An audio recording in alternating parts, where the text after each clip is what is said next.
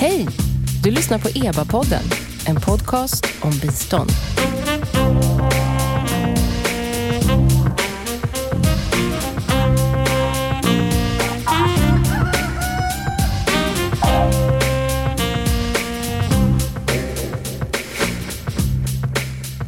Välkomna till EBA-podden. Jag heter Noomi Östlund och den här podcasten ges ut av Expertgruppen för biståndsanalys, EBA. Det är en statlig kommitté som utvärderar och analyserar Sveriges internationella bistånd. Gör vi rätt saker i biståndet? Det är en grundläggande fråga som faktiskt ofta kommer lite i skymundan. När mycket fokus ligger på biståndets genomförande och kanske framförallt resultat. Men innan vi ens kommer till frågan om hur bra saker görs måste vi vara säkra på att det ens är rätt saker. Eller att insatser, som det heter på OECDs biståndslingo, är relevanta. För även den bästa genomförda projektet eller programmet riskerar ju att vara om intet om det inte är relevant. I våras publicerade EBA en underlagsrapport av Joel Samoff vid Stanford som tittade på hur relevans bedöms i utvärderingar av Sidas insatser. En slutsats var att i princip alla insatser bedömdes vara just relevanta. Men hur ska vi egentligen förstå det? Och är det ens bra att allt bedöms vara relevant? Med mig här i studion för att diskutera det här har jag två gäster som har lång erfarenhet till att, av att bidra till ett relevant bistånd. De är också båda två tidigare gäster i podden, så jag ber att få välkomna tillbaks Karl-Anders Larsson med lång erfarenhet från Sida, både i Sverige och utomlands. Välkommen! Du har bland annat arbetat för Sida i visst är det Vietnam, Kambodja, Zimbabwe. Mm. Och Tanzania. Och Tanzania. Och du har också skrivit för EBA tidigare om biståndet till just Kambodja och en underlagsrapport om budgetstöd. Och vid din sida har vi Kim Fors, eh, ledamot i EBAs expertgrupp. Välkommen! Tack, tack! Med lång erfarenhet av, av kanske framförallt utvärderingar inom biståndet. Jo. Jo, men mycket annat också. Men, men eh, min tanke idag är kanske just att min förhoppning är att ni ska kunna bidra till det här samtalet med, från kanske två olika perspektiv. Karl-Anders med praktiken, att eh, arbeta med att ta fram ett relevant bistånd. Och Kim, lite från utvärderarens perspektiv, hur är det här med att utvärdera vad som är ett relevant bistånd? På ytan kan det ju låta enkelt eh, att göra rätt saker, att finansiera rätt saker. Men vad, hur ska man egentligen förstå det här begreppet? Vad, vad är ett relevant bistånd? Vad, vad säger ni?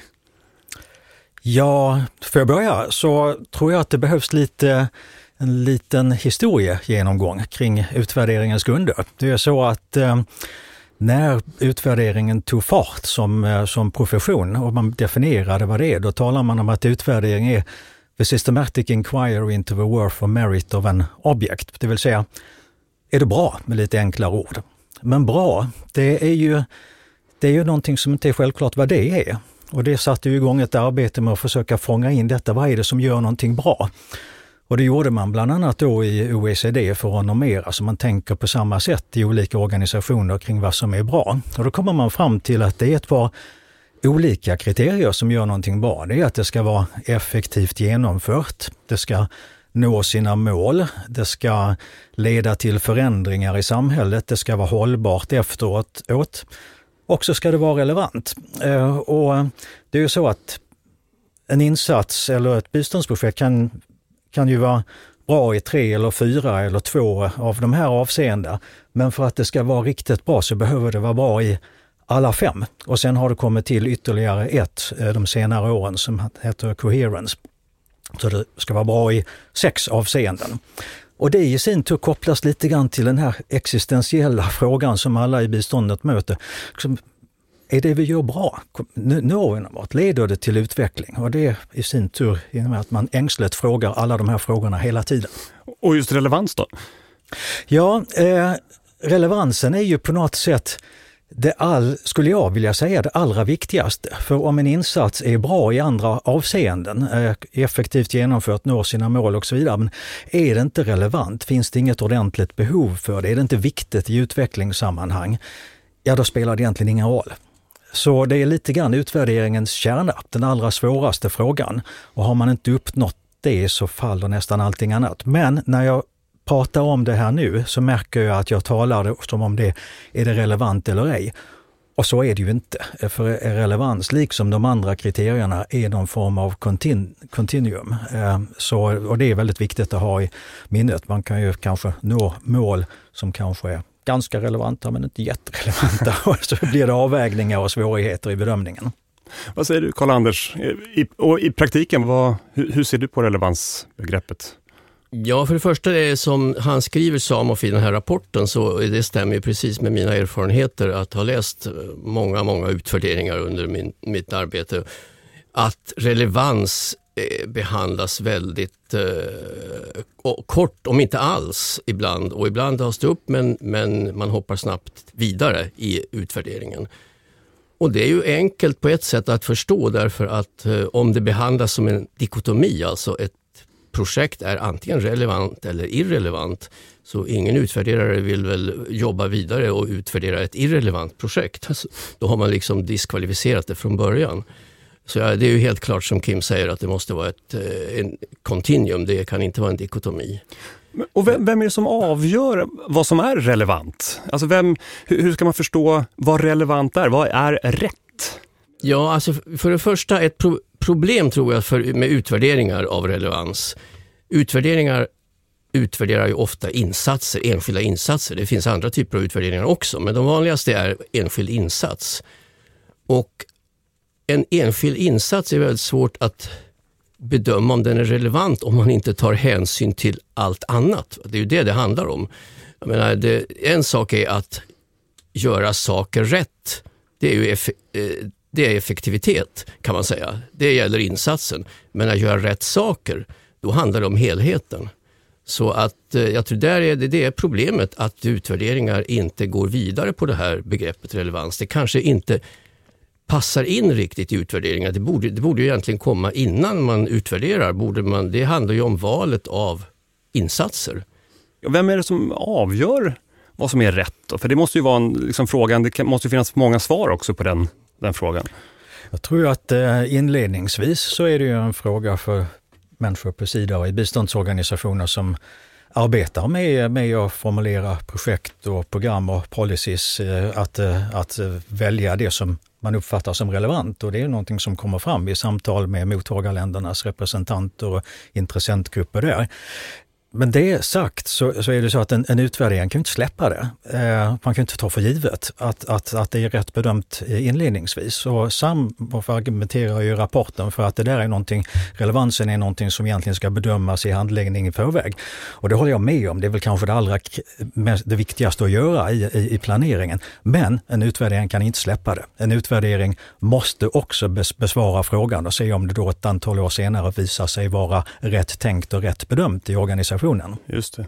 Och, och i Samhoffs studie så han kommer ju fram till, han tittar ju på, på då många av Sidas utvärderingar, och han kommer fram till att i princip alla slår fast att insatserna är relevanta. Hur ska man förstå det? Är, är då Sidas bistånd så fantastiskt relevant?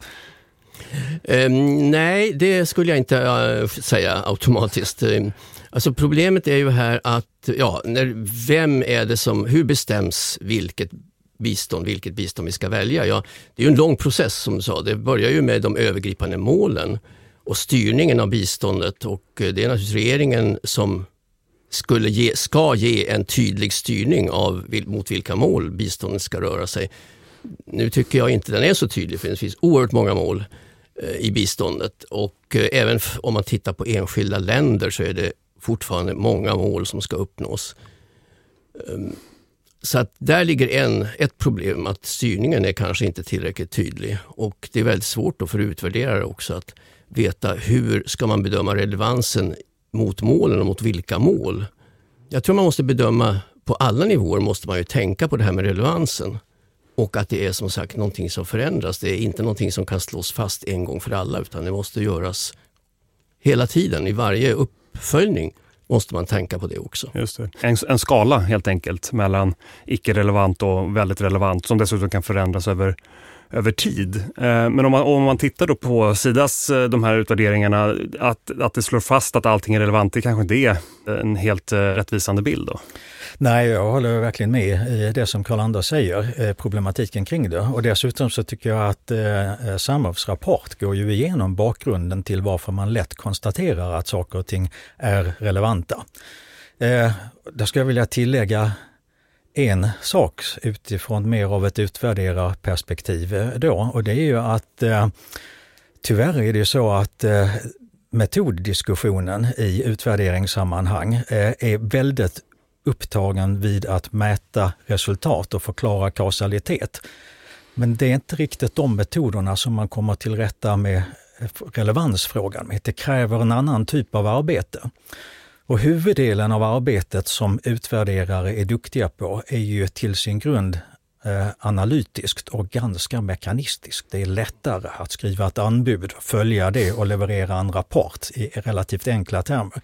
För att bedöma relevans måste man gå utanför projektet och insatsen. Man måste kunna mycket mer om kontexten. Eh, man, eh, man måste eh, eh använda sitt omdöme. Man måste använda begreppet judgment eh, och det är någonting som utvärderingar tyvärr inte är så bra på och som vi inte diskuterar så väldigt mycket i utvärderingssammanhang. Ehm, det behöver vi göra mer av. Judgment, ja, mm. omdöme, det borde vi ha mer av. Och, och Karl-Anders, du var inne på det tidigare också, att relevansen måste ju vara central mm. även när man mm. programmerar, alltså när man gör mm. själva designen av en mm. insats. Finns det, det omdömet där? Eh, jag tycker inte tillräckligt heller och det är samma problem. Alltså det är det här med som kontexten alltså, och analysen av kontexten. Eh, den måste hela tiden finnas där. Och, ehm, eh, min, eftersom jag har jobbat nu 40 år med bistånd så ser jag lite grann utvecklingen och jag tycker tyvärr att den går åt fel håll. Att man mer och mer fokuserar på insatshanteringen och mindre på kontexten. Det borde vara tvärtom egentligen. Man borde fokusera mycket mer på, på analyser av eh, omgivningen kring biståndet. Så det krävs en, en djup kontextförståelse både hos eh, Sida och andra biståndsaktörer som, som då finansierar och genomför biståndet och hos utvärderarna som ska försöka mm. bedöma om relevansen är relevant eller inte helt enkelt. Karl-Anders, om vi fortsätter hos dig, hur, hur, från dina erfarenheter, hur, hur, hur kommer man till det här omdömet? Hur bygger man upp en sån här kontextförståelse? Det som jag tittat på nu lite grann, det är de här samarbets strategierna som ju styr biståndet till olika länder och som uppföljs. Det finns ett väldigt eh, tydligt system hur det ska följas upp eh, och det sker vid de årliga rapporter. Och I de här årliga rapporterna så gör man faktiskt en bedömning av två saker, måluppfyllelse och relevans. Men relevans är då det som man kallar relevans för portföljen, alltså sammansättningen av insatser. Men det intressanta när jag tittar på det här och som jag undrar lite hur det hänger ihop, det är att nästan alltid så bedöms måluppfyllelsen som dålig helt enkelt. Utvecklingen går åt fel håll. Eh, I, jag tror det var i, ja, i princip i nio fall av tio så är det så. Men precis tvärtom med relevansen. Den bedöms nästan alltid som relevant. Det, det är aldrig man bedömer eh, att portföljen är irrelevant.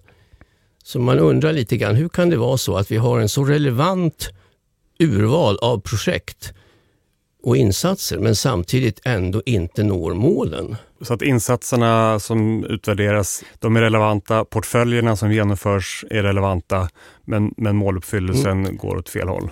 Ja, det är någonting är fel här alltså. Det kan inte stämma och det beror förmodligen på att man bedömer relevansen på fel sätt. Det tror jag. Vad tror du Kim? Jag håller fullständigt med om att någonting är fel. Jag, tror, jag håller också med om att man bedömer relevansen på, på fel sätt. Och, och det i sin tur har att göra med hur man förstår förändringsprocesser och hur man ser på begreppet eh, kausalitet. Eh, man ser gärna eh, i, de, i de målhierarkier som finns hur, hur man når resultat på output, outcome, impact nivå på ett linjärt sätt och utifrån den insatsen man finansierar. Eh, och om man då har en aktivitet på utbildningsområdet, säg någon form av lärarutbildning, skolbyggnader eller liknande, så kopplas det till ett mål som har att göra med sektorn i sin helhet och till ett mer övergripande mål. Och det är klart att det är relevant. Men det händer en massa andra saker också. Och det är den multipla kausaliteten så att säga. Förståelsen för att de övergripande målen påverkas av en rad andra saker och de måste man väga in. De, det hanterar man inte eh, med den enkla linjära kausaliteten som man oftast arbetar med i både planering och utvärdering på biståndsområdet. Men det kan ju också vara så, man skulle kunna argumentera, att säga det att eh, man gör relevanta saker men man gör det i en motvind. Mm. Där den större mm. utvecklingen är så pass negativ så att eh, även om man gör, skulle göra helt relevanta saker så, så lyckas man inte mota mm. en, en, större utveckling. Kanske. Mm, Kanske. Absolut, ja, men det är viktigt att säga att relevans är ju inte samma sak som måluppfyllelse. Det är, det är hela poängen här, att det är två olika saker. Eh, så att det finns, och det finns många exempel på projekt och insatser och även kanske portföljer i länder som är relevanta men som inte ger resultat av olika skäl. Ja, för det är väl också, hur ska man förstå relevansbegreppet där? Om man har insatser som inte lyckas påverka den större utvecklingen, är det relevant då?